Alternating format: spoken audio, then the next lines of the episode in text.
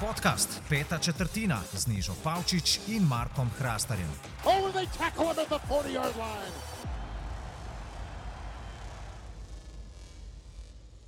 Spoštovani poslušalci in poslušalke podcasta Peta četrtina, dobrodošli.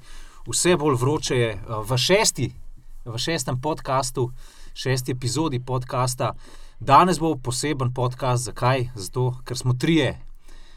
Z nami je tudi Tilan Lovše, Tilan, dobro večer. Ja, dobro večer, sem mislil, da boš napovedal, da ima ta naraščaj vidva, pa da da to trije. Ne, eh, ne.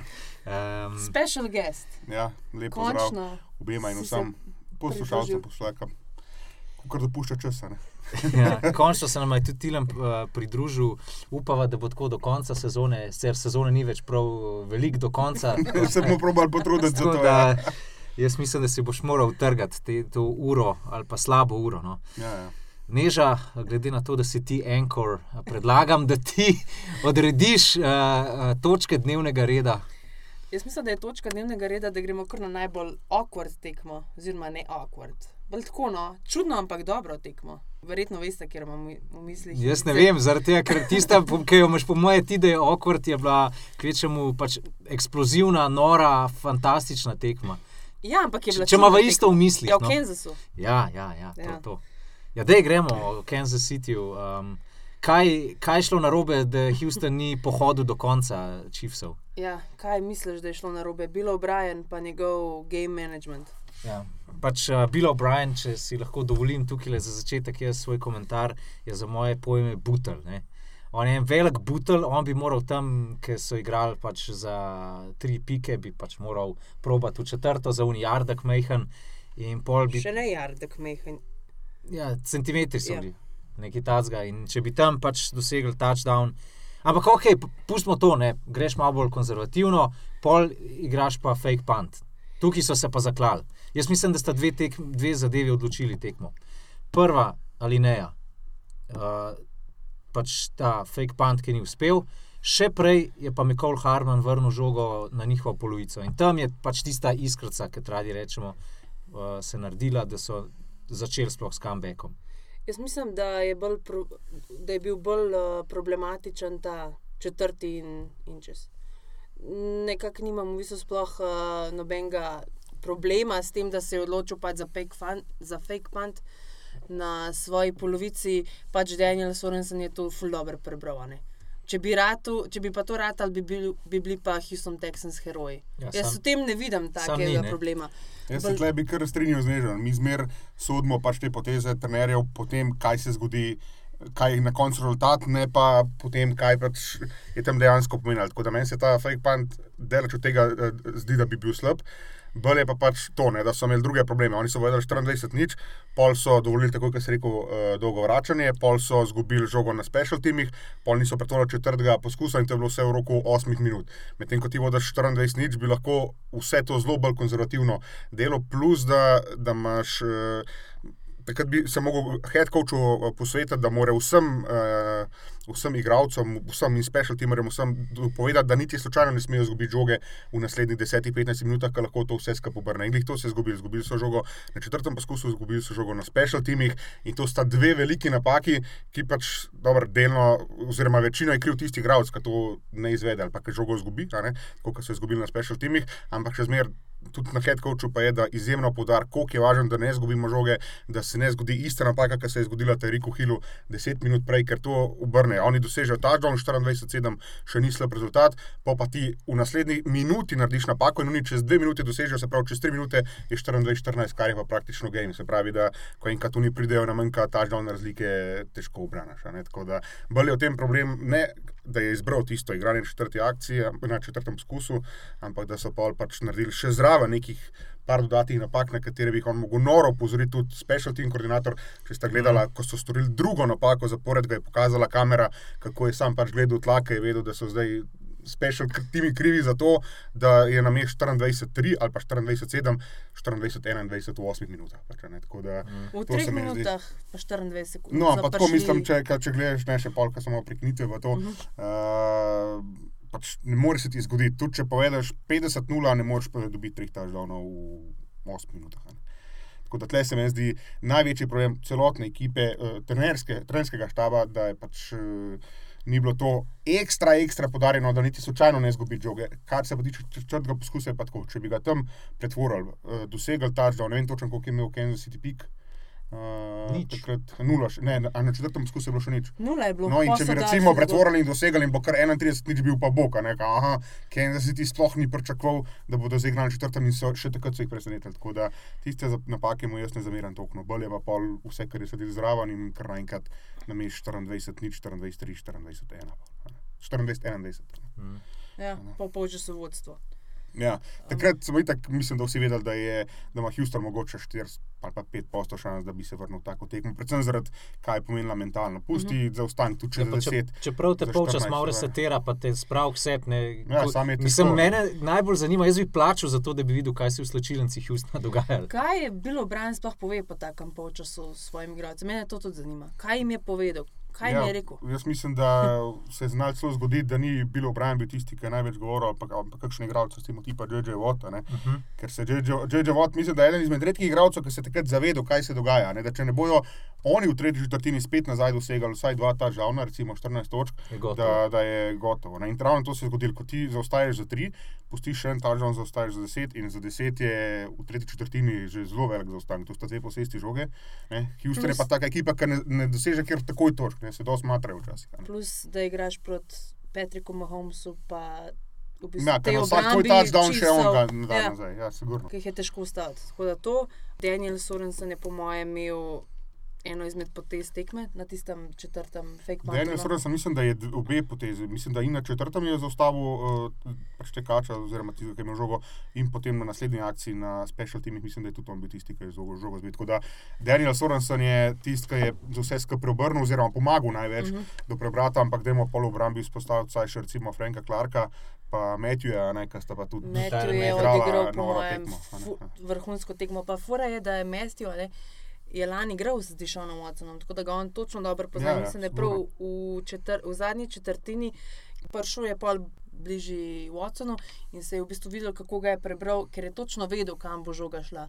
a ne. Ja, Jaz sem videl, da je kar velik teh uh, analitikov pol po koncu tekme zahtevali, da bi nujno, nujno moral bilo Brian leteti. a ne. Ampak je- sem pa danes že prebral, da, da, da Sean Watson se mu je pol v bran post- postavil. Ja, se to se ponovadi igralci vedno. Ne. Zdaj je tako, zmeraj se treba vprašati, bilo obran, kot trener, kakšne zmožnosti ima. Trener slash GM. Ja, lahko oni z njim pridejo v Super Bowl. Pač to mora biti pri taki franšizi, kot je Houston, ki zdaj že zadnja leta redno v končnici, redno na vrhu svoje divizije, edino vprašanje. Ne? Podobno vprašanje si mora Minnesota zastaviti z uh, Majkom Zimmerjem. a lahko mi z njim zmagamo prav Super Bowl, ne eno tekmo končnice, ker to so dokazali boj, da lahko, ampak lahko povežejo tri, štiri zapored, da zmagajo. In jaz mislim, da je pri Bilu Brianu pač ta odgovor ne. ne. Imaš lahko veliko eh, sreče, recimo eno, eno en playoff, ne, ampak a bo povezal Bilo Brian štiri tekme, ker zelo redko, zelo težko jih vidim, da bodo prvi ali pa drugi sit, kadarkoli, a bodo povezali štiri tekme za naslov, jaz mislim, da ne tako, da to pač pol po edino pomeni, da, da ga morajo menjati. Mm. Uh, zdaj, meni, da ga morajo, ja, mislim, ga morajo. Ja, točno to, kar si ti rekel. Mislim, če, če gledaš v tem smislu samega Super Bowla, ker Houston vem, da je zadovoljen s končnico, vem, da je zadovoljen s kakšno zmago, ampak Houston je zdaj na točki stagnacije že par let, ker ma, njihov maksimalen domet je ena zmaga v playoffu, se pravi v Njihov Wild Cardu. maksimalno domet divisional. Ja, tako Pa, pa je. če se uh, pač In posebej. zdaj, in zdaj tudi pač, ne, imajo, imajo mladega uh, QB-ja, imajo Hopkins, ni ne vem koliko star. Medtem ko pač obramba je pa druga stvar. Ne? Pri obrambi imaš kar nekaj nosilcev starejših in zdaj pač ti ne bojo več pet let na vrhuncu. Tudi že Watt vidimo, kako je poškodovan, vprašanje, koliko let bo. Vsaj še na takem nivoju igral, da rečeš, da je res eden izmed najboljših obrambnih. Ja, igralcev. tudi kakšen dober draft class bi rabil. ne. Ja, to bo sigurno. Sicer veliko so rešili z Watsonom. ne. Watson je zdaj tre, tretje leto v ligi, njega imajo, če bo posrečil, vsaj še 12 let. Ja, kar imajo je- franchise quarterback. kar- Mislim, da tukaj se pa strinjamo. Ne? Ja, Ja, ne, in s tem, da je Watson pokazal, da je recimo za Mahomesom in Jacksonom letos tretji podajalec, on je že vse te v AFC-u, on je že vse te, se pravi, starejše fante prehitev, ne vem, Bradyja, Riversa, Rotlisbergerja v AFC-u. ne, in To so rešili, tako da to imajo, zato mogoče Bill O'Brien bo dobil še priložnost sezono 2-3, da vidimo, če se Watson res razcve- razcveti. Holmes ima MVP, Lamar Jackson ga bo imel letos, mogoče Watson naslednji, naslednje leto. Ne?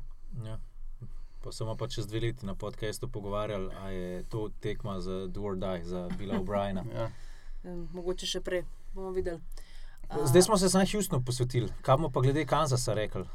Kaj bi jaz rekel glede Hanzasa, je to, da ima glih toliko nore igralce, toliko, eh, recimo, take egote, tako samo svoje igralce, da mi je bilo to idealno za včeraj. Ko so ostajali 21 nič, te Rick Hill je tam spodbujal pač svoje, eh, svoje igralce, wide receiverje, tekače, uh, Kels je itak nor, Mahomes je nor, a ne, in glih toliko so, glih toliko so egocentriki, da pač rečeš, evo, to je idealno za 24 nič začeti loviti tam sred druge četrtine in na koncu dejansko zgledal, da jih niti za sekundo ni vse skupaj ustrašil, da bi, ne, Ja, vsaka No, akcija bomo, pol, bomo, z vsako akcijo so pol napalili Arrowhead, da so jim še dodatno pomagali, Ja, ja. da je bil še tisti dodaten puš. To gre pol kot Povratku. Domine. Ja, kot domine, ne, pač, ko plas, ki se usuje, ki ga ben več ne ustavi. Ne, tako, da, tako je približno Kansas City zgledal v drugi četrtini. In, pač jih je za pohvaliti, predvsem zaradi tega, no, da niso. Da bi, lahko bi se zgodilo, da pol recimo še en ali pa dva driva ne bi naredili nič, potem. Recimo, v teoriji Texansi ne bi storili napake, in pa bi bil polčas 24-3. Ja, in pol je 24-7, una- pol in pa poti- In poti v tretji četrtini nič ne rata in je una apatija in pol sam gotovo. To, tako recimo je bilo proti, je bilo, eh, pol, ko bomo oziroma nas točno na naslednjo tekmo, Ravensom. Ne. Ravens je tudi, aha, v polčasu zdaj pa bomo neki, pa pa tretjo četrtino jim ni uspel en, dva slaba driva in kar naenkrat spet zaostaja za 14, eh, steka se tretja četrtina in kaj, zdaj imaš pa samo še 15 minut, da Pa se gledamo. Sezono, ja, ne. Ja, sej, eh, Kansas City se bo v konferenčnem finalu iz sobote na nedeljo pomeril proti Tennessee Titansom. Tukaj noben ni zadev napovedi, ne. vsi smo falili. Mislim, da je kar tako.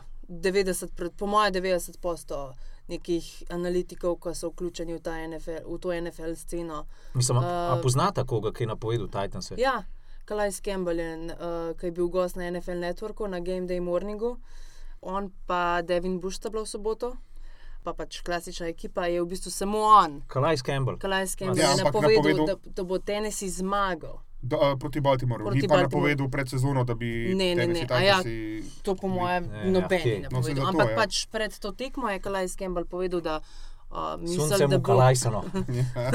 ja, ne, samo on igra proti njim, ne on. Vse to, Ja. on je na ta način rekel, kao AFC South je najjača divizija v AFC-ju, uh, stavim na Tennessee. In, um, Let's agree to disagree. Meni je, Vsakemu meni. Titansih- Ja, meni je pri Titansih zanimivo najbolj to. Jaz sem pospremil zadnje štiri, v zadnjih njihovih petih tekem štiri, se pravi, delala so obe proti Houstonu, pa sem jaz naredil tekmo še prejšnji teden proti Petsom, pa zdaj spet proti Baltimore Ravensom. Ne vem, kako je taka ekipa, kot je trenutno Tennessee.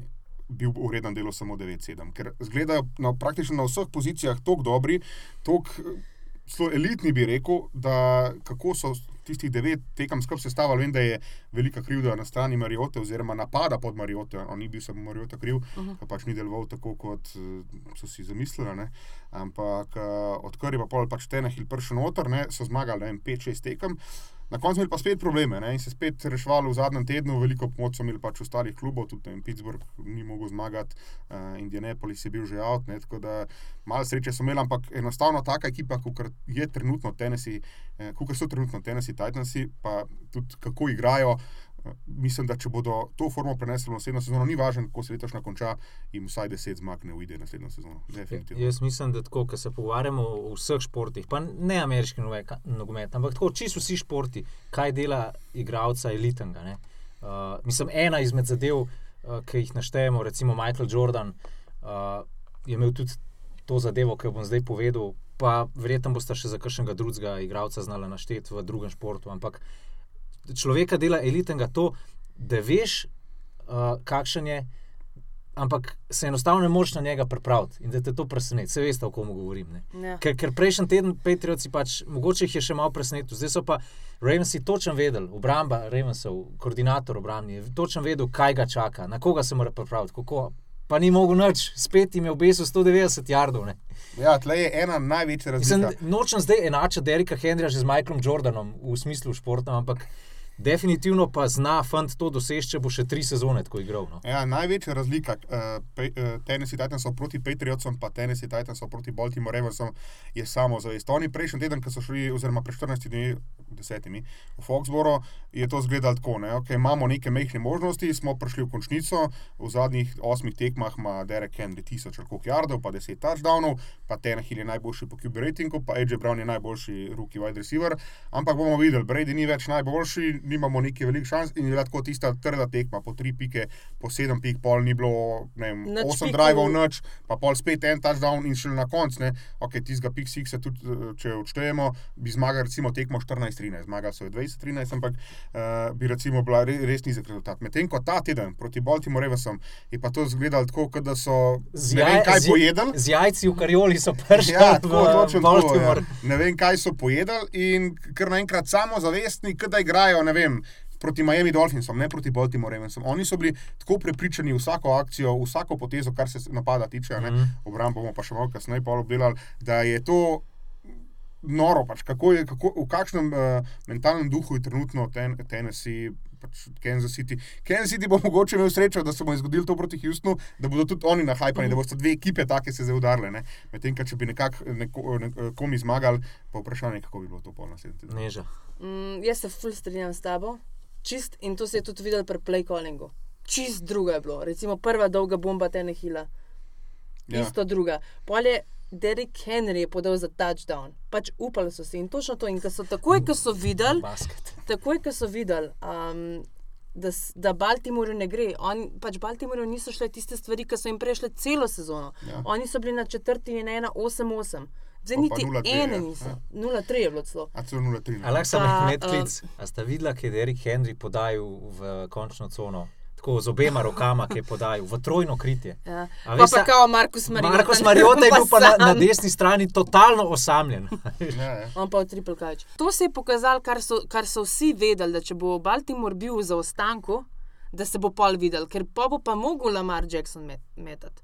a ne. On je bil fuljak zaradi tega, ker je imel opcijo, ali bo tekel ali bo ne. Malo je bilo teka, malo je bilo metanja. In zdaj, ker so prišli v zaostank, kar je že prej Tilan rekel, da s- so že pol, v bistvu polčasu vedeli, tretja četrtina ni šlo, zdaj moramo pa pač metati. In ni šlo, enostavno ni šlo. In jaz mislim, da je Marlon Humphrey, kar je po tekmi rekel, uh -huh. da je identiteta teh Baltimore Ravensov v zadnjih dveh letih, da čovknejo v končnici. Ja. In to je čist res.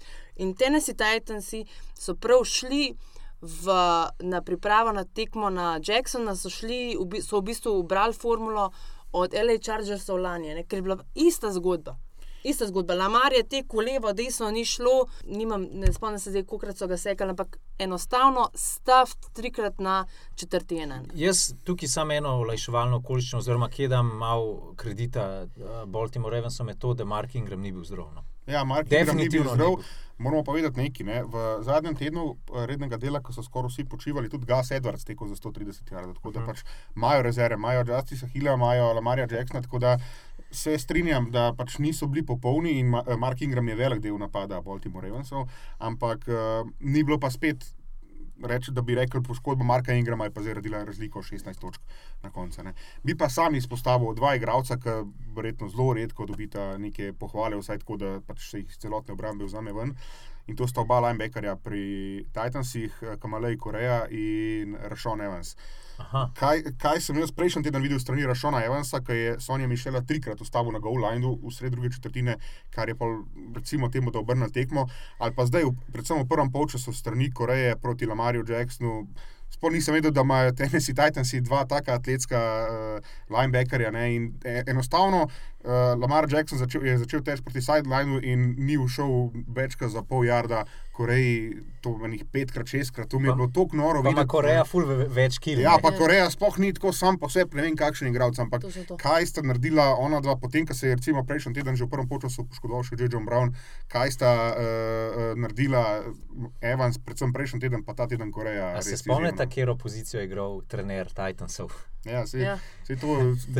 Tle je pač enostavno proti takmu igralcu, ko gre Mar Jackson, pač linebackerji dobivajo tekmo. ne. V bistvu- Čeprav so uh, tudi svoje dodali in seveda defensive line in uh, Logan Ryan in vse ostale. Logan Ryan, letos, Logan Ryan bi mogel biti defensive player of the year, če bi letos gledal samo stece. On ima, on ima ne vem, 5 sekov, 5 forced fumblov, 5 interceptionov, 20 zbitih žog, 100 teklov na položaju kornerja. Res take številke, ki je imel Darius Leonard prejšnjo lansko sezono, ko smo tudi sam gledali, ker vsa statistika je polna, vse ima, pa igra li- linebackerja uh, Leonard, uh, ima interception, ima vse, letos je tak Logan Ryan. Logan Ryan je v vseh raznih interceptionih, uh, v vseh statistikah ima letos karir high. da- In potem, ko se stavimo vse to, kar smo zdaj omenili, napad, uh, obrambo, pa dajmo zraven še pohvaliti offensive line, per uh, Tennessee Titansih je to pol noro. Pač res, kako so ta ekipa bili celotno sezono, recimo 50 odstotni, pa še na koncu zmagali kakšno tekmo, da so prišli na 9-7, je kar malo presenetljivo. Men, ko sem se zdaj, recimo, zadnjih 5-6 tednov bolj poglobil no, v Titanse.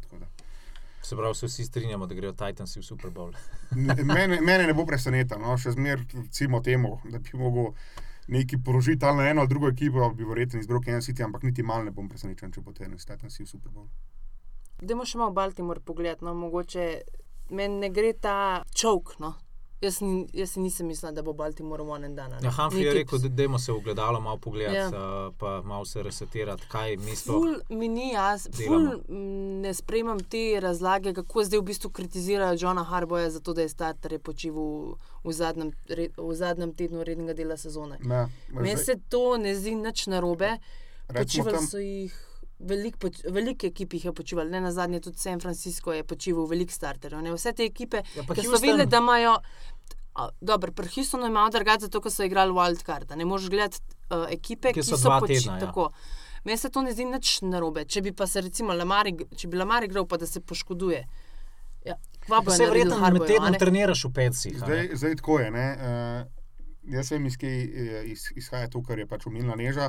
Tam recimo kakšnih deset let nazaj je veljal, pač, če pride šesti ali pa peti sit, ki pride v končnico, pa igra wildcard, pa wildcardu zmaga, ima ogromne šanse proti eh, prvemu ali pa drugemu sidu v divizionu roundu, če je tisti počival uh, starter že v 17. tednu, ker pol ne igraš 3 tedne, se pravi 20 dni ali pa 21 dni. 20 dni, ja. Ja, in, um, in pol, ne, tisto, a si pol Bowser je veval, nisi. Je pa vmes bil podatek med najnim prenosom, zdaj pa se ne spomnim ali med prvim ali med drugim, da tist, ko so prvi ali pa drugi sit počivali starterje že v 17. tednu, od zadnjih ne vem koliko sezon, 10 ali 15, To s- so, bili, so zmagali 9 od 14 tekem. Se pravi, še zmeraj na to se ne moreš, ne, aha, ok, ja, zdaj pa Baltimore Ravens niso bili v tekmovalnem ritmu, pač bili so, samo pa so Tennessee Titans tako dobri. Če je od 14 ekip, ki so že počivale v 17. tednu, pa so bile prvi ali pa drugi sit, 9 jih zmagali, se pravi, se to še zmeraj izplača. Oziroma je tisti dodaten teden počitka igralcu Ala Lamar Jackson ne bi smel niti malo škoditi.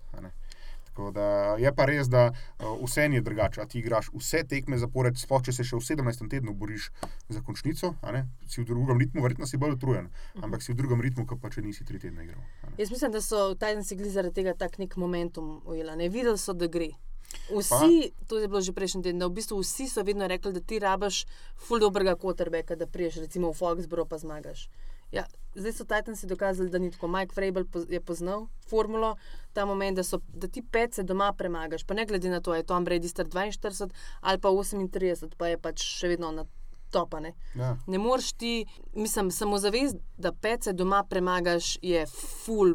No, ampak booster, oni ne, so to, to res močno samozavest dobili šele v drugem polčasu proti Pecom, je pa zadeva izhajala iz obrambe. Obramba v drugem polčasu Petriovcem ni dopustila niti ene pike uh -huh. in enostavno pol napad mora dodati svoje. Tistih par pik, tist dva field goala ali pa en touchdown, pa en field goal, deset pik, kar če nasprotnik da nulo, je vrh glave.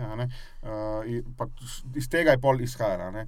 Je pa res neki, ne, da si ti v takem ritmu, se pravi celotno sezono odigraš, uh, pol igraš wildcard, igraš division round, je veliko tudi na kondicijski pripravi. In jaz mislim, da je Derek Henry, pa ne mi ne zaverijo fani Kristjana McCaffreyja, trenutno delač najboljš pripravljen running back. Kondicijsko, fizično, ne samo pač v smislu tehnikali, koliko je hiter, koliko je skočen, koliko je močen, ampak enostavno kondicija Dereka Henryja. Jaz mislim, da bi lahko dobil on 50 žog na tekmo, zdaj ki je dobil dvakrat več kot 30, pa bi še zmer oddelal svoje, ne, recimo 5 jardov, 5 pa pol ja- jardov na poskus, kar je pri številki 30 noro. ne.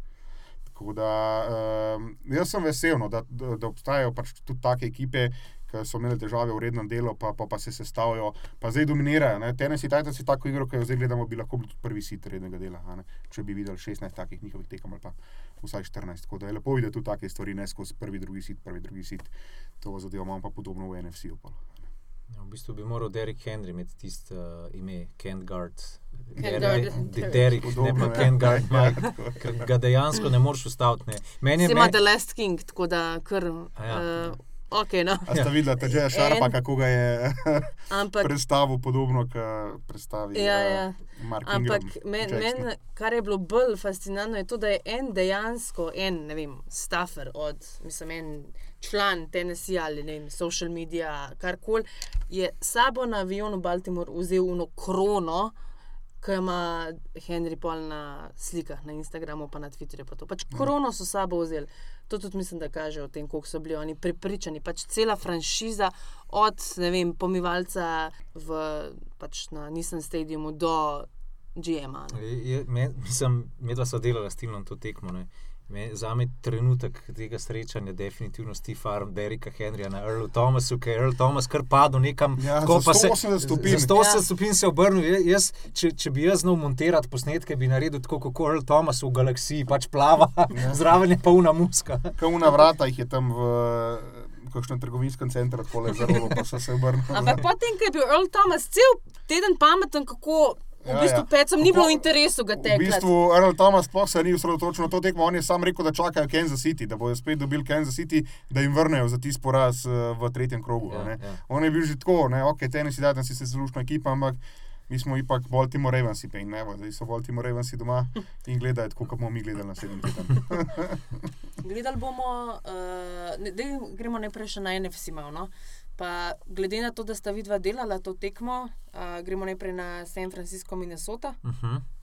Mislim, da lahko brezprejemno rečemo najbolj prepričljiva zmaga, ne glede na to, da je vodil vmes Green Bay proti Seattlu 28-3, ampak zmaga uh, uh, San Francisco nad Minnesoto je bila.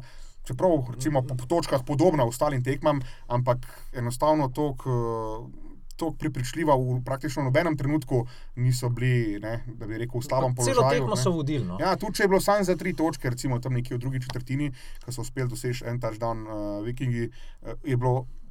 Pač zelo malo možnosti smo videli. No. Mhm. Dajmo pa najprej prvo stvar izpostaviti Minnesota, Vikingsi so bili zdravi v celoti. Mhm. -huh. Oni razen kakšnega rezervnega kornerja nimajo enega poškodovanega. Bil je večino sezone poškodovan Eden Tilen, ampak je se zdaj vrnil že par krogov, tako da to, kot poškodovanega ga ne moremo šteti, sicer manjšo poškodbo je imel. a ne. Ja, no, jaz bi vseeno rekel, da so dva kornerja imeli, uh, Ma Mark Hughes pa, pa, Ja, tale, pa, pa Mackenzie- Alexander. Ampak to sta tretji in četrti korner. Ja.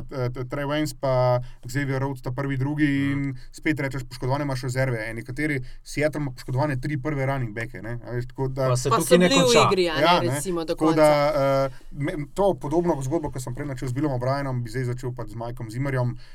Ekipa je popolna, ekipa je zdrava, ekipa je v dobri formi, pa pa pač ok, res, da moraš proti prvemu nosilcu igrati v gosteh, ampak da nimaš nekih resnih možnosti, vsaj ali pa da ne vem, probaš pet žog zapored na Stefana Dixa, ne vem, pač kaj neki presekati, da nisi v tistem gordijskem vozlu, tistim zakletem.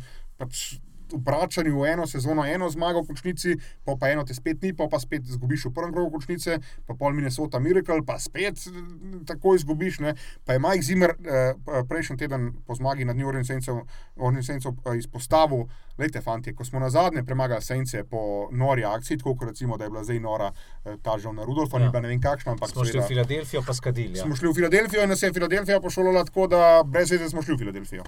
In on na to upozorja, on se tega zaveda in gre v San Francisco in se zgodi praktično isto. Bili so v prvem polčasu v igri, ampak v drugem razpadali. Res, da se je strokovni štab San Francisca noro dobro pripravil na Minnesoto, oziroma adjustil na Minnesoto v drugem polčasu. Ampak Minnesota je tudi na eni zelo smešni. Eh, Stagnira. Ja, ne, zelo smešno stanje na eni točki, kjer si lušna, dobra ekipa, ampak noben te niti resno ne jemlje za. za Sam meni men se zdi, da vseeno malo delamo krivico tukaj v Minnesoti, zaradi tega, ker so izgubili proti ekipi, ki je vsaj za moje pojme, kot sem že večkrat rekel, najbolj kompletna. A ješ rekel si za Minnesoto, da pač nimajo uh, nobenega resnega igralca poškodovanega, ja se tudi San Francisco igra v popolni postavi. Ja, In je če pa- igra v popolni postavi, pa ima na vseh pozicijah pač vse fante zdrave. Pol pač je to, kar je v Santa Clari. Ne? Mogoče bi bilo v Minnesoti kaj drugače. Ja, to je res. Zdaj, edino, da imamo pač to reči, Deford pa Conor Alexander sta zdaj prišla nazaj. To tekmo. Ne? Oni so zdravi že pet tednov, te sta, sta zdaj prišla. Conor Alexander ni igral cele tekme, Deford je igral večino, ampak eh, ne, oni bodo zdaj na sedem tednu dobili še bolj zdravega Forda, še bolj zdravega Alexandra, pa uh, Nik Bosa, kot kaže, ni neki poškodovan, ne? čeprav je najprej zgleda dosti slabo. Uh, tako da, ne, Zdaj, če se sam na Minnesoto osredotočimo, pač eh, San Francisco je standard trenutno v NFC-ju in ti, če hočeš v Super Bowl, moraš prek tega standarda.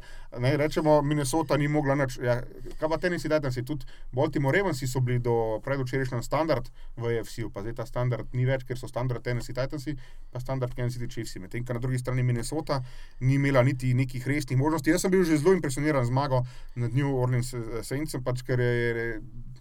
Senci doma, vemo, kakšna zgodba je. Uh, zdaj pa spet, a, a iti v prenovo, a iti menjati, ali proba to naprej, pa nič narediti. Določena prenova bo zihar, zaradi tega, ker offensive koordinator gre v Cleveland in bo tam head coach. Ja, ne. to pa pa, res, ja. pa zdaj, par minut pred eh, začetkom tega snemanja podcasta, sem prebral, da bo Cleveland imel intervju še z njihovim, uh, z enim članom. Assistant Minnesote. GM-om, ja. Assistant GM-om, da bi bil general manager v Clevelandu. ne. Ja. Se pravi, bojo povlekli del strokovnega štaba v, v Berejo. ne. Ja. Ja.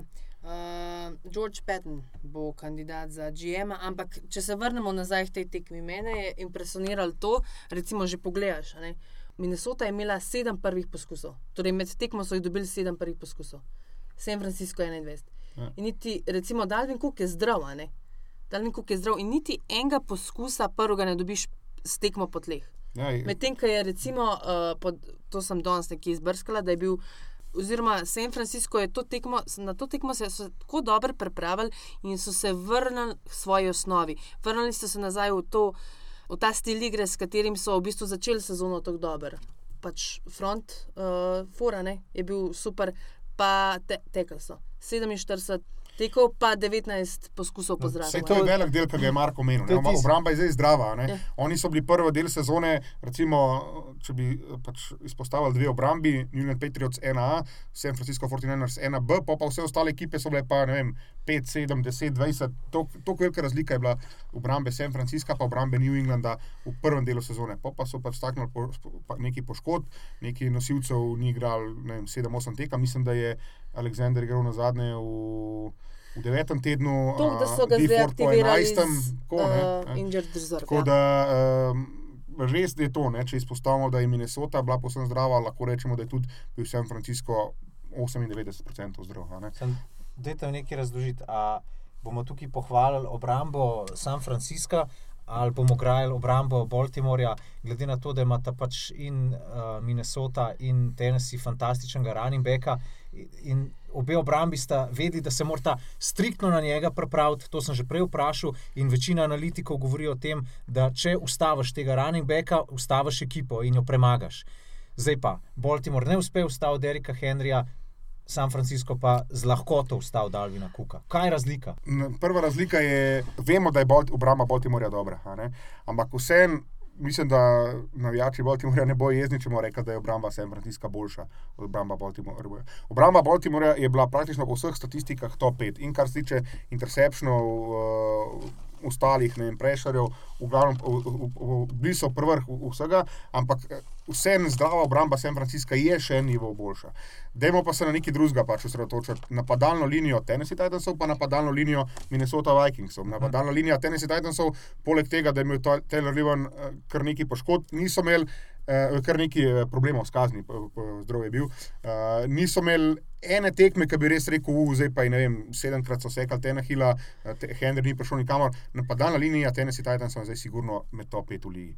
Medtem ko napadalna linija Minnesota Vikingsov niti približno ni tako dobra in je de- definitivno delno tudi na tem. Nikoli se še ni zgodil v zgodovini NFL-a, da bi bil en tekač tako ekstra, ekstra dober, da bi za res gnilo napadalno linijo dobil 200 evrov na tekmo. Vsaj solidna napadalna linija mora biti. Napadalna linija uh, Minnesote je definitivno izgubila svoj dvoboj z prvo obrambno linijo San Ja, ne samo to, da so malo bolj mehki, ampak tudi ful veliko kazni delajo. Ne? Ja, tudi to. Ja. Tako da um, velik del je bil na tem. Je pa res, da tudi Delo in Kuh niti slučajno ni imel take tekme, uh -huh. kot se od njega pričakuje, kot um, si on želi. Recimo.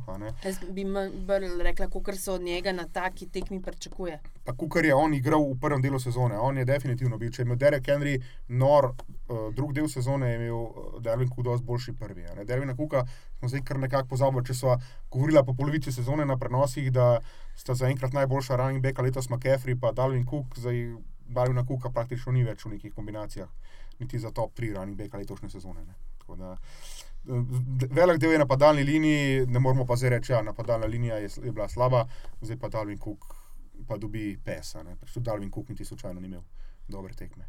Gremo še na to zadnjo tekmo. Green Bay Seattle. Tukaj smo tudi stilno falili na poved. Smo mislili, da bo Seattle uspel nekako zmagati. Pa se je na koncu je kazalo, da jih bojo ujeli, ampak nekaj mehkega je zmanjkalo, spet so odločili centimetri. Sodniki so dosodili za Jimmyja Grema, da je ti zadost za nov prvi poskus. Tudi na družabnih omrežjih se je razvila debata. Recimo, ne vem, če ste videli, da Vente Adams je danes eh, v bistvu sam naredil grafiko in potegnil tisto črto, češ da je bil, češ, da je bil Jimmy Graham zadost daleč, zato da Jaz mislim, poskus. da je v bistvu to tekmo bolj pač odločil Aaron Rodgers. Ful se omenja, koliko je elita um, Patrick Mahomes, Lamar Jackson, uh, ne na zadnje tudi Dishon Watson, koliko so oni vsi dobri. Pa pa pri Aaron Rodgers in že na prvem touchdownu, ki je vrgel tisti ne- nerealen pes na Adamsa, se je videl, da zdaj na tej tekmi, da se bo spet. Pač, da bo pokazal, no, zakaj je Aaron Rodgers, Aaron Rodgers. Pa v tej sezoni mogoče se ni toliko o njemu govorilo kot o enem, uh, v- tudi v, bistvu v smislu te GOAT debate. Ampak enostavno je z Aaron Rodgers odigral, po mojem, najboljšo tekmo sezone. In Adams, Aaron Jones je, po mojem, največji snap Pro Bowla, ker ja. Je pač spet v, prv, v drugi četrtini dal dva touchdowna in v bistvu so zaradi Aarona Jonesa pa njegovih touchdownov Green Bay prišli toliko v prednost. a ne. Se je In- edina stvar, ki je držala. Seattle v igri, je Wilson. Če ne bi imel Wilsona, bi bila ta tekma totalen blowout, bi lahko Mercy Rule imel. Ja. Ja. Maja pač smolo, tako kot so pregovorili o zdravih ekipah, je ta nezdrava oziroma poškodovana. Ampak tako je, pač v NFL-u, ko pride januar, nima zdaj, da imamo zdaj prekin za 9, za 3 mesece, da se mi pozdravimo, ampak pač kdo je. je. In Točno to. Večine ni bilo, mislim, kar nekaj dobrih igralcev ni bilo in tako pač je. ne. Um, meni je ful všeč, da je končno, ko, upam, no, konc teh debat, kako se bo stavila Rodgers pa. Uh, LaFleur. LaFleur, ki zato, ker mislim, da že, na, se pravi, s to podajo se že takoj videl, kako je nategnil uh, secondary LaFleur s to akcijo, zato ker so zelo hiter, zelo skrb so postavili in Adamsa in Ellisona uh, in na ta način je v bistvu LaFleur po mojem hotu cornerbacka pa Zvabiti. safetyja zmedeti v, v, v tem smislu, kdo bo koga kriv, ker sta oba tekla zelo um, blizu. In uh, na ta način je v bistvu potem uh, pač safety prišel pred, preveč dol. Cornerback je šel pa preveč na ven. In pri enem takem lovilcu, kot je Adams, pač ne smeš take napake osnovne narediti. In takoj se je videl, ker je bil takoj, ko sta to napako naredila, je bil Adam že dva koraka spredi. Če bi pa mogoče Rodgers še malo počakal, bi pa tudi Ellison bil sam, tako da tisti je bil cheese blown coverage. Mene zanima vajno mnenje uh, glede odločitve Pita Kerola oziroma strokovnega štaba Sietla, da greš pet oziroma šest minut do konca srečanja pri zaostanku ene posesti pantat, namesto da probaš pač igrati v četrto. Kaj si pa recimo o tej potezi misliš, Tilen? Meni se zdi tako, glede na to, da je bilo vse še nekaj časa do konca, pa mislim, da so imeli celo vse tri timeoute, Seattle Seahawksi, se mi zadeva ne zdi napačna. Tudi pant, recimo, če imaš četrti poskus in vem, več kot 10-12 jardov, na 3 do 4 minute do konca z tremi timeouti, s two-minute warningom, uh, ni. Najbolj nepravilna poteza, ni sicer zelo ljuba, ker pa če dobiš več žoge, ti vsi, ja, pa nisi niti probo, pa gor pa dol, ne? ampak enostavno pač ti imaš dve, dva dela moštva, imaš napad, imaš obrambo in ti lahko presep, ne? jaz vem, da vsak head coach presep ve, oziroma ima mišljenje, ali ima boljšo obrambo ali ima boljši napad. Ti lahko misliš, da več možnosti imamo, da obramba trikrat zapored zaustavi s tremi timeouti, pa s tunim dvornikom nasprotnika, ki pa da mi zdaj pretvorimo četrti poskus in 12. Pa head, head coachi razmišljajo samo tako, ne četrti poskus in 12 imamo, ne vem, šans 8 posto, če pa da trikrat zaustavimo nasprotnika, ki bodo itak večino tekla, da bi kurili uro ali pa kradli timeoute, imamo pa šans, ne vem, 15 ali pa 20 posto in se pač odločijo za pan, tako da meni se ne zdi eh, zadeva slaba, sploh glede na to, da je trenutno obramba Sietla boljši del ekipe, kot napad Sietla. Jaz mislim, da so Seattle Seahawksi tako po domač povedano nadbacili v tej sezoni. Ja, dajmo, dajmo eh, se- se spomniti še to. Mislim, da tri ali štiri tedne do konca rednega dela so bili prvi v svoji diviziji. Potem, ko so premagali San Francisco, so bili kar naenkrat ne samo prvi v NFC West, ampak celo eh, prvi sid v NFC-u. Tako da pač vse ne moremo reči, da je bila to letos kar ena ekipa. Seattle, če ne bi se poškodovali res vsi, ne, oziroma zelo velik del, bi, uh, bi mislim, da bi bil dosti resen kandidat in za zmago včeraj, in tudi v tem primeru, če bi se zdaj iztekla tako, kot se je, za zmago naslednji teden v San Francisco. Ampak pač zdaj tega ni, tako da brez tem razmišljati. Edina stvar, kar bi se še sam za trenutek vrnil, to, kar je rekla, pač tudi Neža. Route running Deventa Adamsa, to, je, to bi lahko sam to gledal. Sam, da kamera sploh ne bi igra, eh, kazala tekme, pa samo kazala Adamsa, kako teče route celo tekmo. Res, kako sta una dva, oba dva šla na slant, on pa pol sam Cikcak. korak levo, pa ven, pa je bil kar nekaj pet jardov pred obema, to je brez veze. To je tok next level, da resno, tudi vse pohvale Adamsu za včeraj. Uh, je pa res neki, ne, to, kar si pa samo omenila, Aaron Rodgers.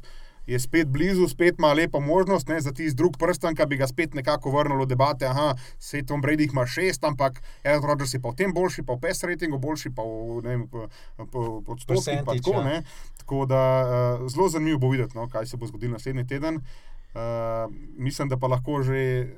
Ne glede na to, ka, kjer scenarij bo na koncu od vseh štirih ekip se izkazal za zmagovitega, uh, rečemo, da bomo videli zelo zanimivo zadevo. Ali bo Super Bowl osvojil Ryan Tenahill, ali bo Super Bowl po lanskem MP-ju osvojil Patrick Mahomes, ali bo Super Bowl osvojil Jimmy Garoppolo, ali bo pa Aaron Rodgers dobil tistega drugega, ki bi ga pa res. Ne, že zdaj vemo, da je Aaron Rodgers top 3, top 5, uh, zdaj ga bodo pa čisto na vrhu. Oziroma, Ne pozabimo, da bi Jimmy Garoppolo v svojem prvem nastopu v končnici dobil. Uh, Ja, tudi Ryan Tenahill je imel proti uh, Patriotsom prvi štart v končnici. So enkrat igrali, ne vem, par let nazaj, oziroma dve leti nazaj, tisto tekmo proti Kansas Cityju, uh, ko so zmagali z Mariota 22. Ja, Mariota 21. sam vse Ja, podal. uh, ampak ni igral, takrat je bil Mur podajalec. Ne? Tako da prvi start tudi za Ryana Tenahila. Uh, Dobro, Patrick Mahomes je bil lani MVP, ampak spet ne, mlad podajalec je. Ponovadi rečemo, z izjemo nekakšnega Rotlisbergera ali pa Bradyja, da bojo podajalci rabili vsaj 4, 5, 6 sezon, da pridejo nekam na vrh. Ne? Tako da karkoli od vseh štirih možnih variant bo na koncu, bo zelo zanimivo. Meni je vsaka kombinacija Super Bowla zanimiva, kar koli bo. No. Tako,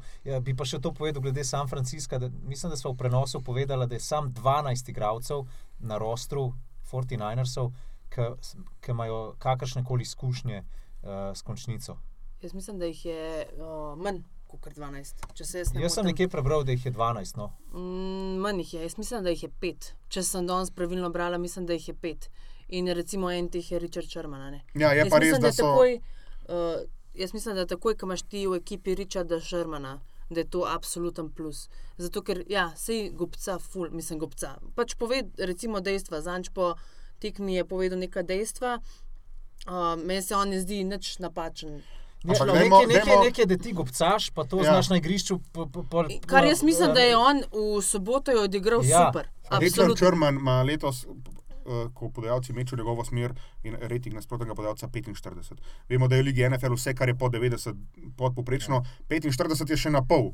Se pravi, Richard Sherman govori, noro govori. Jaz, recimo, ga imam zadnjih, zadnja leta malo bolj rad, kot sem ga imel prej v Seattlu. Noro govori. On bi lahko celo tekmo sam govoril, sam njega bi poslušal, uh, ampak on pač. On to upraviči. Ja, on to upraviči, on odigra tako. Za razliko od Markusa, Prejšnji ne, teden- ne, za razliko od Jelena Ramsija. No. Ja, Ali pa no, tudi no. Markusa Petersa, recimo. Meni je on tak basač.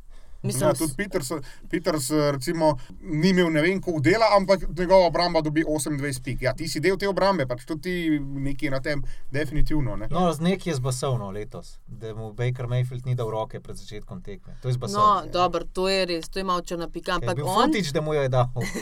ampak recimo Sherman ful govori, ampak to tudi pokaže. In jaz nimam z njim nobenega problema, od, vse od tistega, ki je lajal na Erin Andrews na finalu konference leta 2012. a ne. Pa mislim, da je bilo zdaj, da smo 2006. delali to tekmo proti Minnesoti, prvi pes, ki je šel v smeri Richarda Shermana. Se pravi, kar kazni niti pogledal, niti ja. prvi pes proti, ka- proti Tilnu, ki je imel interception. Tako interception. ne. Ja. Se pravi, veš, da ne probavaš. eh, Bilo je par let nazaj, ko je Aaron Rodgers, Green Bay Packers igral proti Seattlu, tismo enemu izmed najboljših Seattlov v zgodovini. Kad celo tekmo niti enkrat ni vrgel, Aaron Rodgers, ne uh, Kirk Cousins. Ne? Pa pa rečeš, prav Cousins. spomnim, ker je Ja, cela tekma. Season opener je Mislim, bilo da celo prva v- tekma sezone, Ja. potem ko so bili Seattle Seahawksi prvaki ali nekaj Ja, takega. to je ne. In, in pol levo, kar Kazis ne vrže ene žoge, vrže prvo žogo, uh, smer uh, Zoom. Richardsona, tako interception. Rečeš, sem rekel, ne bom vrgel cele tekme, nič. Ne? Evo, eno odprobam, pa če pol tisto. Ne, tako uno, ne vem, greš mimo stoči črne desetkrat, ma ne bom šel noč sam pogledat, pa pa greš enajstič, pa pa greš petimi tortami. Dan. Tako je zdaj to zgledal, to je zdaj tako zgledal proti Richardu Shermanu žoga, tako interception. In Richard Sherman, to, kar si neža ful dobro omenila, je, ima toliko noro velik izkušenj, da bo on te mlade fante znal prepraviti. Ja. Povedal, rekli smo, malo eh, ljudi ima izkušnje s playoffom, ampak če, če bo kdo zdaj te fante vzel, pa rekel, lete, vem, da je to vaš prvi playoff ali pa prve resne tekme v karieri, ampak tako zgleda, tako, tako zgleda Super Bowl, uh, zmagati Super Bowl, tako zgleda zgubiti Super Bowl, ker tudi to ve Richard Sherman, a ne? tako zgleda to, tako zgleda to, tako da uh, San Francisco je lahko zelo vesel, da ima trenutno Ja, Richarda čakijski Shermana. tart, Kilo Witherspoon. Rekla si neža, da boš nekaj o Kilo Witherspoonu povedala. Uh, to sem hodila reči. Ja, prej dobro, da si me Spomnil. um, spomnil. Da je bil uh, Witherspoon v bistvu. Najšipkejša točka San Francisco v prvi četrtini, dokler ga ni Robert Celeh pa zamenjal. Takoj, ko je kazni smet, in to je po mojem tudi eden izmed um, recimo takih. Opask, mislim, opask, kar sem opazila v tej tekmi, da je Kazins tudi pogledal na Šermana, dokler niso zamenjali je tudi Čim pa, je, pr- čim pa so zamenjali Witherspoona, je pa dejansko tudi pol mogel začeti metati na Šermana in zaradi tega je tudi pol vrgel tisti interception. To je pa tudi uh, pokazatelj, da je koordinator dober. Da je vidi po stvar. eni četrtini, enemu ne gre in zadeve spremeni, ne pa da do konca. Dru- Druga stvar, ki je pa tudi res. Zelo redki starting corneri so v ligi, ki so tako slabi, da bi lahko celo tekmo metel na njih. Če ne drugega, bo prišel bliže safety ali pa, uh, tako kot si rekla, bo zamenjan. Ampak zelo redki starting corneri so, da bi rekel, ah, tam je Šerman, zdaj bo šle pa od 30 podaj na tej tekmi 28 v tisto smer. Pač enostavno v liga NFL ne deluje. Ne Tako, ka ne deluje, tako da lahko sam tečeš. a ne.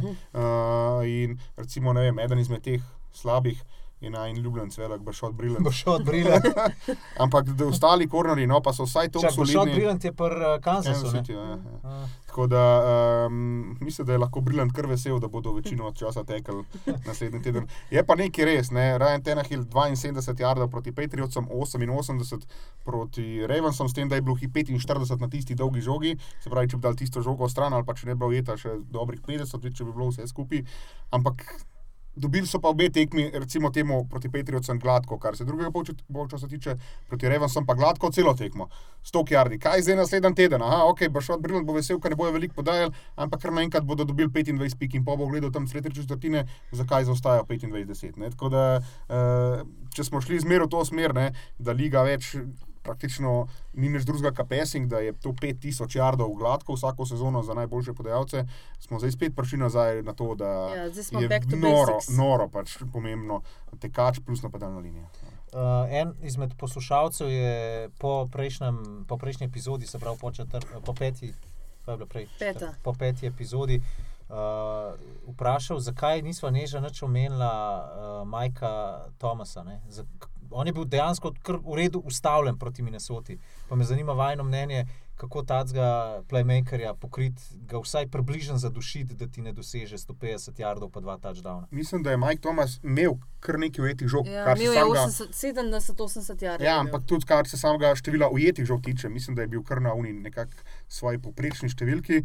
Uh, je pa res, da ni imel tiste eksplozivne akcije. ne. Ni, ni bilo 5-6 žog za 10, 11, 8, 6 jardov, pa pol ena akcija za 50, ampak so bile tiste konstantno kratke žoge. In to je tisto. Mike Thomas ni dobil niti enega touchdowna vem, za 30, 40, 50 jardov. In to je pol, kar rečeš, aha, ok. Mike Thomas bo 8 žog dobil minimalno, ne glede na to, če ga 8 šarmanov pokriva. ne. 8 žog je minimalno za Majka Thomasa na eno tekmo, ampak če je to 8 žog za skupno 59 jardov, pa prej touchdowna je to čist drugo, to, kot če bi bilo to 8 žog za 160 jardov, pa 2 touchdowna. to. Tako da To je največja razlika. uh, ne smemo, to smo že zadnjič rekli, ampak ne smemo pozabiti, koliko so uh, D&D, ne? prejšnji teden dobro pritiskali na brisa. A veš, to je, ne? ker ti, čim pritiskaš na brisa, mu daš toliko manj časa, da on pogleda po igrišču. In uh, pač prejšnji teden so res. Ja, Saintsi so jih, Griffin eh, pa Daniel Hunter. Ja, točno te Tudi zdaj sta imela nekaj dobrih individualnih akcij, predvsem Huntera. Ne? Ampak enostavno celotno obramba, kot paket 11 igralcev, sploh v drugem polčasu, je tudi popustil. a ne.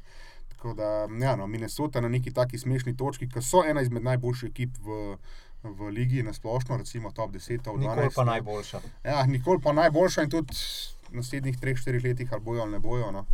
Men, me, men pač ne bom zdaj napovedoval za sezone naprej, ampak eh, zdi se mi, no, da bodo Vikingi morali probati neko drugo smer, kateri so trenutno.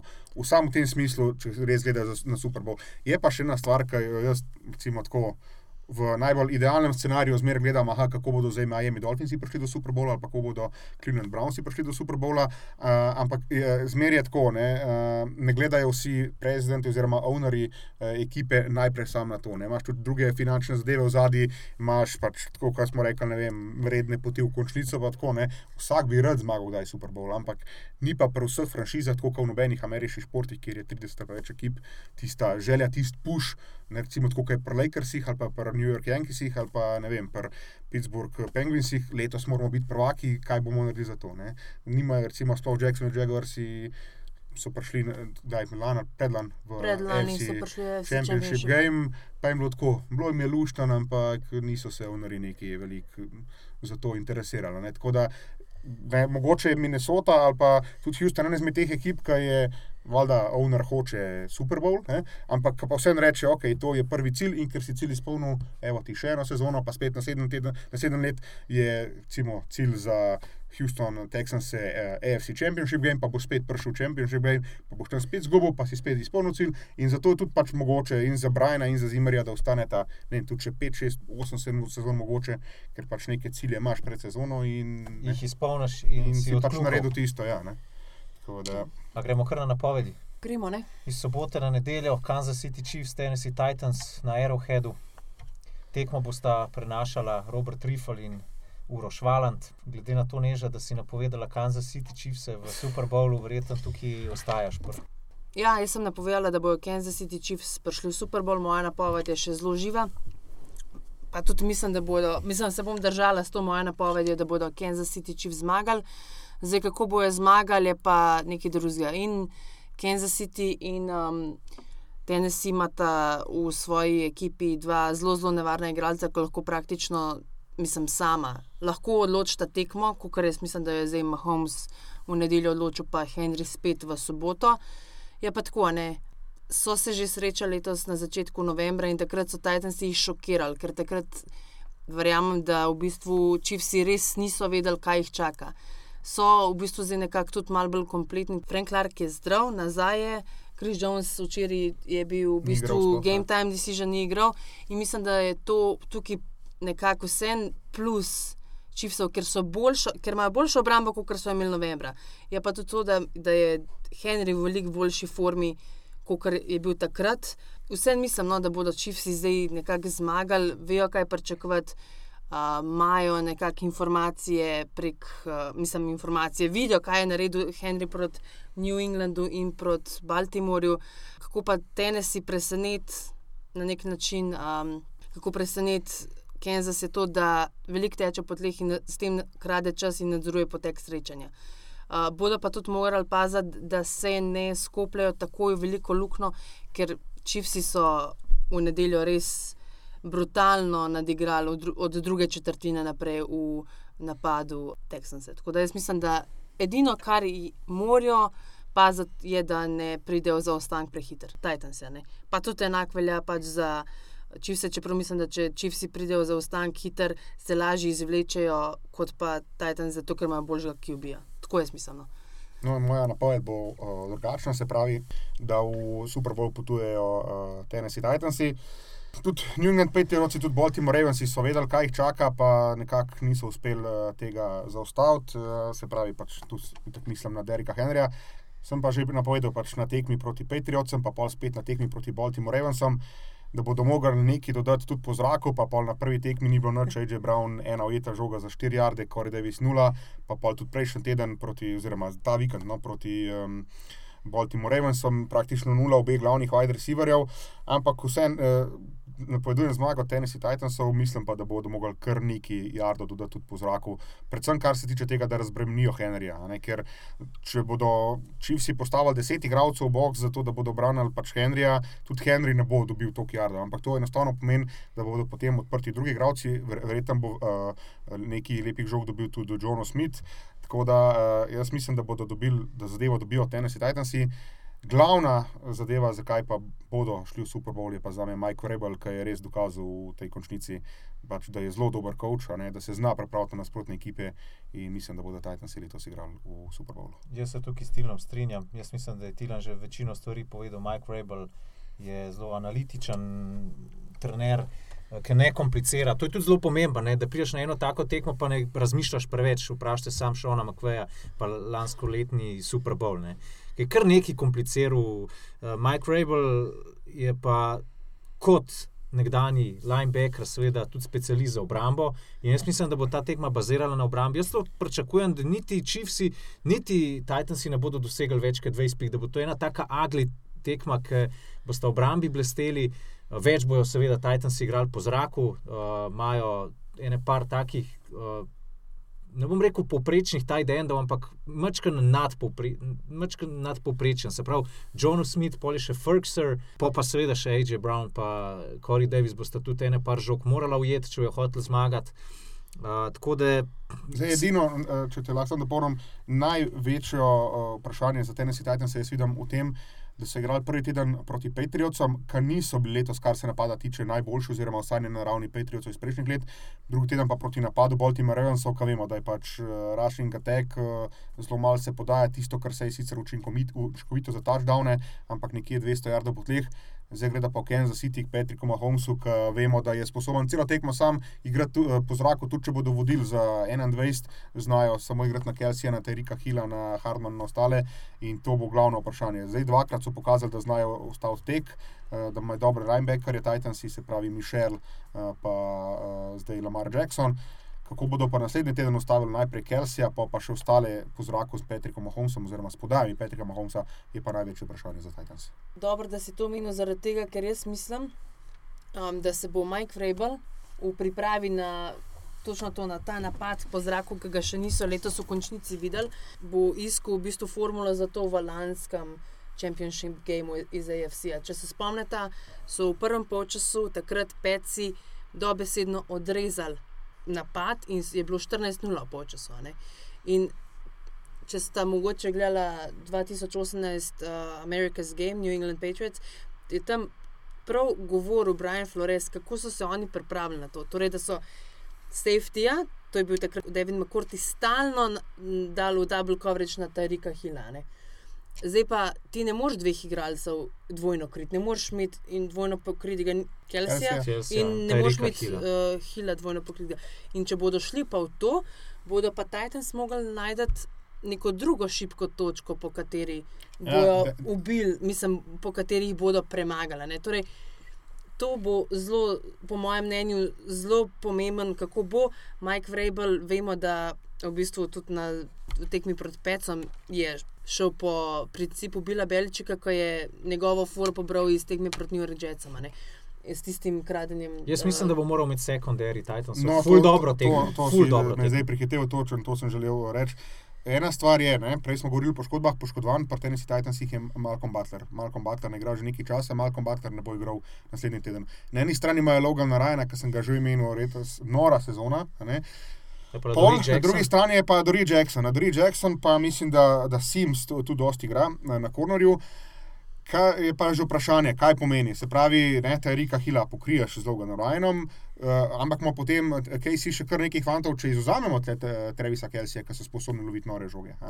Tako da uh, to bo zelo veliko vprašanje. Pač, uh, Umenil sem že, da se mora popraviti na napad, na, napad po zraku, kako bo drugi korner, kako bo safety uspel brand uh, ostale igralce ne sam uh, Terika Hila. Zna pa se zgoditi, glede na to, da je Dory Jackson hitrejši igralec kot Logan Ryan, da bo Dory Jackson večino časa zadolžen za Terika Hila in potem bo pač Logan Ryan prevzel ostale. Ne.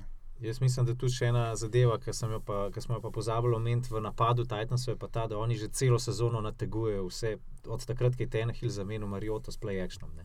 Ja. Oni imajo v 80 odstotkih, ki igrajo play action, uh, naberejo vsaj en yard, ne. ali po- ponovadi malo več, ne. ampak pač v veliki večini takrat, ko nakažejo, pre, nakaže Tenehill predajo na Henryja, potem se vsi pripravijo na tek, pa pa sledi ena podaja na AJ Browna in spet nov prvi poskus. Ja, tudi prejšnji teden, oziroma zdaj no, ta vikend proti eh, Ravensom, ki veliko blicajo, ne, so pač bili zelo uspešni. Mislim, da uh, dobro, sama tekma Rajna Tenehila ne vem, ni bila ne vem kaj zdaj, ampak uh, v rednem delu proti Blicu so tudi imeli nad 60 odstotkov zaključenih podaj, tako da tudi to je spet en element, ne, kar ne moreš reči, ok, zdaj bomo pa sam blicali celo tekmo. Tako da zanimivo bo, no, tudi kako se bo pač obramba Kansas Cityja pripravljala na napad Tennessee, ampak jaz mislim, da je to pač največje vprašanje. Če sekundari pa pač z dodatkom linebackerjem ustavijo napad po zraku. Uh, KC-ja pač Tennessee gre v Super Bowl. Pa še Andy Reid nikoli ni bil neki full car za clock management. tako da Jaz, jaz tudi izberem Titanse. No. No, lej, bomo videli, jaz izberem čivse. Pa glede na to, da sem napovedal na začetku eh, končnice, da bo New England prišel, bom šel kar po tej strani. Če New England ne, ne pride, pol grejo oni, ki so njih izločili. Ne. Ja, to je. Ja, da Ima logike, vsaj, ne? Da smo vsaj proti prvakom izgubili, tem smo mi, slovenci, specialisti ponovadi Ja. na evropskih in svetovnih prvenstvih. da. Dobro, zdaj gremo še ta drugo tekmo. San Francisco, pa ne samo, da sem napovedal v Super Bowlu, ampak sem jim eh, prerokoval celo zmago. Tako da tukaj se bom odločil za San Francisco. Spet se bom ponavljal, ker je stara plošča, ampak dejansko so kompletna ekipa. Vključno s strokovnim štabom, Robert Seleh ne ve več, kam bo šel na intervju. Uh, pač zdaj je itak konc, ne, ker vse ekipe imajo, amp, uh, head coacha, tudi Brownsi, ampak uh, najbrž mu je brnil telefon v zadnjih par tednih noro uh, ker se je dejansko izkazal s tem, kako je pripravil obrambo. Uh, Šenahan je pa itak fenomenno. Uh, kaj vedva mislita, da je potrebno za Green Bay, da preseneti San Francisco? Zdaj, tako, jaz bi se držal tvoje napovedi, oziroma pač se strinjal, da uh, San Francisco gre v Super Bowl. Je pa nekaj res, ne? uh, letos so že igrali enkrat v rednem delu. In Green Bay vedno je San težko dvakrat premagati. Ja, dva, v San Franciscu dvakrat premagati, so pa na tisti tekmi grdo izgubili, mislim, da za 40 pik ali nekaj tasga. Za 29, 37, Mislim, 8 da, je da, bilo. da je dal San Francisco šlo čez 40 pik, no nisem pa 37, 8 je bilo. Ja, no. Pa s tem, da je Aaron Rodgers podal za 104 jarde. Ja, tako da uh, težko je dvakrat zmagati, definitivno ne bomo videli take tekme, oziroma nor bi bil presenečen, če bi jo. Ampak še zmeraj jaz mislim, da uh, San Francisco na domačem terenu z z super obrambo uh, gre v, v Super Bowl, vsaj tam recimo s tremi ali pa šestimi točkami razlike. Uh, tako da se pravi, moj napoved Tennessee Titans, San Francisco 49ers. Jaz se bom tudi z vama strinjala, v bistvu vsem, kar sta do zdaj povedala, uh, da je San Francisco inkompleten, da imajo boljšo ekipo. Je pa res, da če bodo Pekrsi igrali tako, kot so v nedeljo proti Seattlu, sploh tudi recimo v obrambi, a ne Preston Smith pa ta drug. Zadarius Smith. Darius, Smith. br- Braća Braća Smith. sta spet uh, igrala Vsak po dva dobro, seka. Vsak po dva seka. Ja. Je pa tako, a ne. Recimo San Francisco. Zdaj se tukaj vidi, kaj je San Francisco zadnjih šest let delal, da je gradil ekipo in da je v bistvu prenovil ta svoj pesraš. a ne. Ja, s tem, da je igra gradil na obrambi. Gradil je pač, na obrambi in vsa, in recimo teh šest sekov, kot so jih naredili, kar v kaznicu je prišel od samih first rounderjev. Od leta 2015 naprej, z izjemo pač Dija Forda, ki so ga dobili iz Kansasa za piko v drugem krogu. Ja, dajmo se še to izpostaviti. Oni so ogromno vlagali v obrambo, Mhm. po pa so dodali Diaforda, dodali so Kwon Aleksandra, ki je bil nosilec obrambe v Tampi, in dodali so Richarda Shermana, ki je bil nosilec obrambe v Seattlu, se pravi tri nosilce obrambe iz ostalih ekip. Sicer izkušene fante, eh, ker vsaj Sherman ne bodo imeli več ne vem koliko sezon pred sabo, Aleksandr pa eh, Ford sta mlajša, ampak tri igralce, ki so bili v ostalih oziroma prejšnjih klubih za res pomembne čeni, najboljši ali pa top tri branilci, so jih dodali za to obrambo in ta obramba res je ena izmed najboljših. Pa še letošnji draft kles je bil dober. Dibo Samuel je bil, Višnovski je Panter, ki ni slab, Pa- pa, še tega le, levega tekla, ki je tega Joe Stalija nadomestil letos full dobro, school ali kaj že. Ja, Pa ti imaš recimo, le, uh, Ari Karmsted, imaš iz leta 2015, pa imaš DeForest Buckner, Solomon Thomas, Thomas. Nick Bosa. Ja. Pač Ja, to so Thomas vse je- tvoji piki, a ne? Ja. to so vse tvoji piki. In zdaj pa ti malo se zamisliš, rečeš, ah, Nick Bosa je bil v bistvu lani drugi pik. Ti si prišel iz drugega pika na to, da doma igraš NFC Championship. In full velik GM-ov govori, ja, mi bomo pa res preuredili pes rašane. In San Francisco so dokazali, da so res znali, pa ne na zadnje, tudi Trent Balki dober draftov, glede na to, da je vzel Armstada pa Bucknerja. ne. Ja. On jih je draftov, John Lynch je pol draftov, te dva, ta druge dva. Tako da jaz mislim, da je njim to res sratal. Če pogledaš tako QB-ja, torej Jimmyja, Garopola pa Aerona Rodgersa, ne, je definitivno prednost na tem, da imaš ti Aerona Rodgersa. Sam ga pa pogledaš obrambo, ne. Je pa prednost absolutno na strani San Francisca in dajmo sam- kdo dobiva Super Bowl? Obramba, ne, to sem hotel. Ja, da- obramba, slišal. ja, definitivno. Sorry. Hotel sem sam tako še reči. Če potegnemo črto pod to sezono, Green Bay Packersi, recimo to tekmo smo prej omenili s San Franciscom, ful slaba tekma, eh, tekma z Detroitom, kumi so jo dobili zato, da so sploh bili malo višji sit, a ne? Ampak dajmo se pa pol vprašati, kaj pa San Francisco, kje je pa njihova slabost, kje sta letos videla. No, Tudi saj- tiste tekme, ki so jih izgubili, pa izgubili so, mislim, da tri, so izgubili res jedva. Ne? Ja, a, dajmo reči eno stvar, če sem prej izpostavil, recimo za Titans, pa za KNC Chiefs, da bo verjetno največje vprašanje, kako bo se bodo Titansi spopadali z napadom uh, Chiefsov. Je tle eno drugo vprašanje. Aaron Rodgers ve, kaj ga čaka strani obrambe San Francisca, ve, kako dober mora biti njegov napad, da bodo to obrambo premagali. To ni vprašanje. Je pa drugo vprašanje, kako bo napad San Francisca odigral proti obrambi Green Bay, ki je včeraj dokazala, da ni slaba. Pet sekov nad sicer poprečno linijo Seatla, a ne, oziroma nad uh, Ruslom Wilsonom, ampak tle je vprašanje, če mi vemo, kaj bo obramba San Francisca naredila proti Aaronu Rodgersu, oziroma kaj lahko pričakujemo, ne tudi z Richardom Šturmanom, je pa drugo vprašanje to, kaj bo napad 49ersov naredil proti obrambi Green Baya in to je za me tista zadeva, ki mislim, da bo najbolj važna. Tudi kako bo offensive line uh, San Francisca branil, pač recimo oba Smitha. a ne. To, je, to me zanima. In jaz mislim, da v, v tem pogledu, če gledamo, to je najšipkejši člen San Francisca, verjetno Jimmy Garoppolo. ne. On je zdaj odigral prvo tekmo v končnici. Pač fant ne ve, kako je. Če, mislim, ne ve, kako je. Pač tle je tako, da popravnega izpita ni. Ti moraš, recimo, da Green Bay vod za 10 pik v sred tretje četrtine. Bo Jimmy moral metati. ne. Ja, ne bodo mogli samo po tleh igrati. Ja, nimaš ti spet v Green Bayu toliko slabih kornerjev. ne. Lahko ti pokrijejo. Ja, Aleksandr, Jair Alexander je včeraj igral noro, Noro. tekmo ob obema, eh, z obema Smithoma, se pravi s Prestonom in z, z Deriusom, je bil top 3 igralcev obrambe včeraj. Tako da ima tudi, ma, to hoč- sem hotel povedati, Green Bay ima orože v obrambi, Green Bay ni, ne vem, obramba Giantsov ali pa tako. ne, Tako da eh, Green Bay ima uh, kar nekaj resnih igralcev v obrambi in to bo zanimivo videti. Če slučajno Green Bay v polčasu vodi recimo 14-7 ali pa 14-3 ali pa 14-6 kaj bo pol Jimmy Garoppolo, ko bodo videli, da ne morejo več sam teči, ker enostavno San Francisco pač je taka ekipa, ki ogromen teče. Bo, ker recimo vemo, ne, pri Baltimorju, če zagusti, oziroma mogli bi biti, ko pa včeraj ni bilo, predvčerajšnjem, če zagusti, imamo še zmeraj Lamarja Jacksona, ki lahko podaja. Tle je pa zdaj drugo vprašanje, če zagusti tek. Imamo Jimmyja Garopola. A je to to, ki bo pol zdaj rešil tekmo, pa metal tam touchdowne na Brna, pa na Samuela, pa na Sandersa, a ne?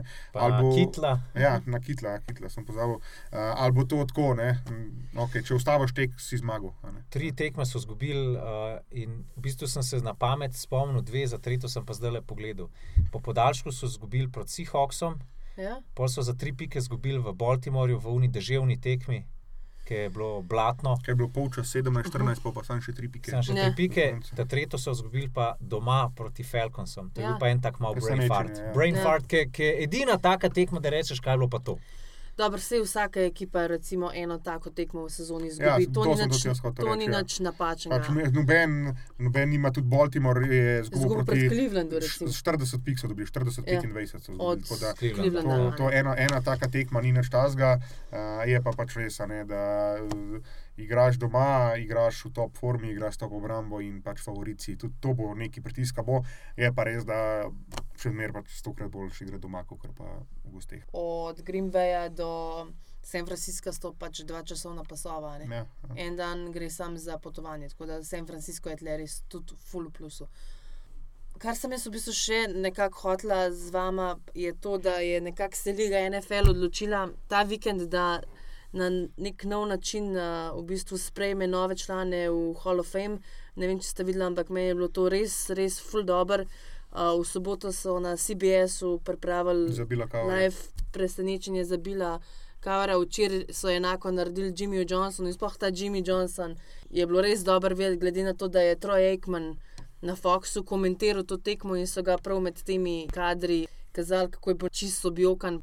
Ne vem, Ja. no, meni se, meni se to res zdelo tako mogoče en tak. Res kul cool moment, glede na to, da zdaj, do, do sedaj to ni bilo. No, se je zato, ne, ker zdaj je, zdaj je tako, uh, vsak let pač približno na, na, na isti eh, čas so znani uh, Hall of Famerji, oziroma kdo bo zbran. Ja, Ampak do zdaj tega ni bilo. In ti, recimo, ne Bill Kavar je šel tam na prenos, je doma s to šero obleko, prišel uh, tja, oziroma pač, da bo pospremil tekmo, in pol tam pride. Uh, um, David Baker. Ja, ja pride uh, Baker, pa mu reče, da ja, je majster, zdaj si pa v Hall of Fameu, ker se to še prej nikoli ni zgodilo, nikoli ti ni prišel nekdo live v prenosu reči. ne, In ti niti en posto nisi mogel pričakovati, da, bo, da ti bo se kaj takega zgodilo. In valjda pol to je nekaj največjega, kar, oziroma največja zadeva, verjetno ob seveda zmagi v Super Bowlu, ki je lahko dosežeš v NFL-u in kar se ti to zgodi, to pač bi moglo biti noro, veliko presenečenje. Vprašanje, kako bo naslednja leta, ker pač, kot sem rekel, ve se približno, kdaj uh, se razglasijo uh, te Hall of Famerje ne, in da bodo naslednje leta še lahko presenetili ljudi uh -huh. ne, na live, ampak zdaj, ker glede na to, da je bilo to letos prvi let, je res dobro izpadeno. Pa še to, glede danes sem poslušala, glede na to, da Nate Burleson z njim dela na CBS-u, uh, kako sta se v bistvu v soboto z um, Bilom Kaurem pogovarjala in je rekel, lej, v sredo se zve, glih na GMFB-ju, zjutraj razkrili, kdo so zadnji kandidati za to, da bi šli v Hall of Fame in je med njimi tudi še vedno bil Bill Kaur. In je rekel, da sta se ženo točno na soboto, prej šel v službo, pogovarjala, lej, Pomiril sem se, če bo, bo, če ne bo, pač ne bo, ne morem nič narediti, komitet to odloča. No, in vidiš ti tri ure kasneje, se prikaže pač David Baker, znanje tisti njegov trg na vrata, prišle sta žena, pa hči še celo, mm. recimo Jimmy Johnson, ni imel nobenega, imel je sam te, mislim, sam te, pač svoje kolege in pol je tudi na koncu uh, res dobro pokazal Troja Ekmana, kako je v bistvu si tam brisal soze. Tako da ne vem, no, mislim, da vsi pač cel Twitter je komentiral to potezo in um, kdo, kdo reže čebulo je bilo. Ja, Vprašanje. Sploh, ker sta bila to dva, ne, se pravi Kavar in Johnson. Ki si pač res to zaslužita, ker sta ve- res velik dala NFL-u. a ne.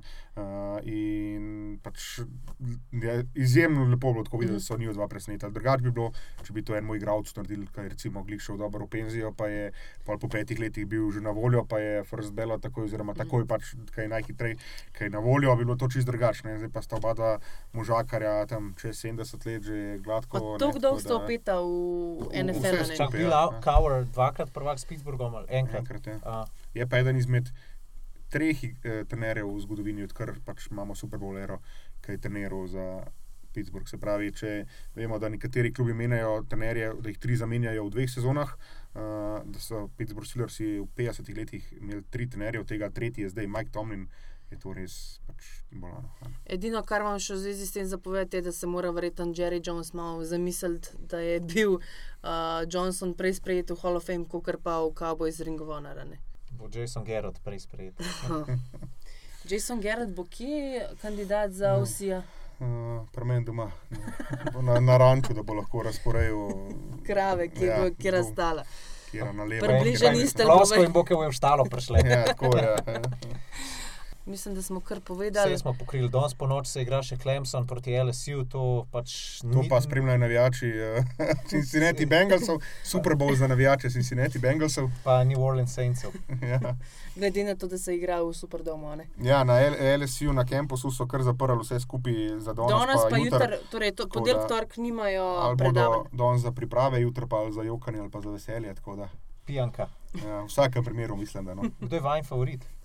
Glede na to, da uh, je Clemson stalnica uh, NCAA playoffa, odkar obstaja, pa da je LSU sicer letos boljša ekipa, ampak uh, prvič v, resnem, v resnih kombinacijah za prvaka, bom spet malo tako, kot sem podobno prej pri Tennessee Titansih. Napovedal manjše presenečenje, tako da zmaga Klemsna, no, ampak eh, je pa LSU trenutno verjetno boljša ekipa no, kot Klemson.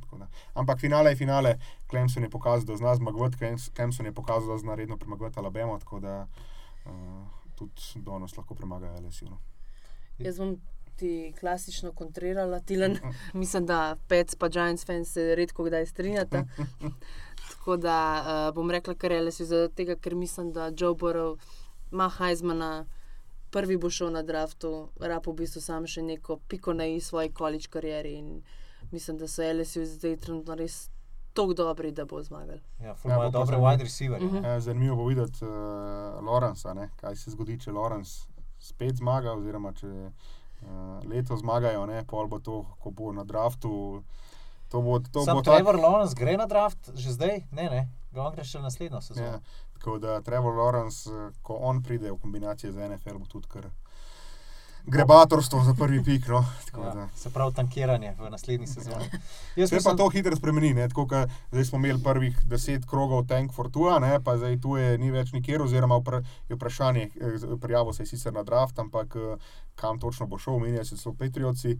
Uh, Ampak, ampak Ker te prekinjam, jaz ne bi bila niti mal presenečena. Ja, Ja, Glede na to, da to bi ima verjetno Bill pick, eh. Ima verjetno več um, podatkov o tuji, kot kjerkoli Ja. druga ekipa, zaradi tega, ker sta z Nikom Sajbenom res dobra frenda. Ja. Tako da, uh, ampak no, v desetem ali pa ajde, v sedmem, osmem krogu je bil še tu, uh, zacementiran prvi pik, zdaj kar brv, zacementiran prvi pik, ne, kar sicer v vsakem primeru bo, ampak to hočem reči, ne, vemo, kaj se bo z Lorencem zgodilo, ne vemo, kaj se bo z ostalimi igralci dogajalo, tako da uh, je še nekaj časa. Počakajmo najprej letošnji draft, pa pa ostale. Ja, tudi naslednji teden bomo že lahko malo razdrali, kakšno od draftu 2020. To naj bo pa zaenkrat vse. Hvala, da ste nas poslušali. Pa se slišimo naslednji teden, ko bomo že pogledovali proti Super Bowlu. Lep pozdrav in uživajte. Čau! Dio. Oh, they tackle him at the 40 yard line.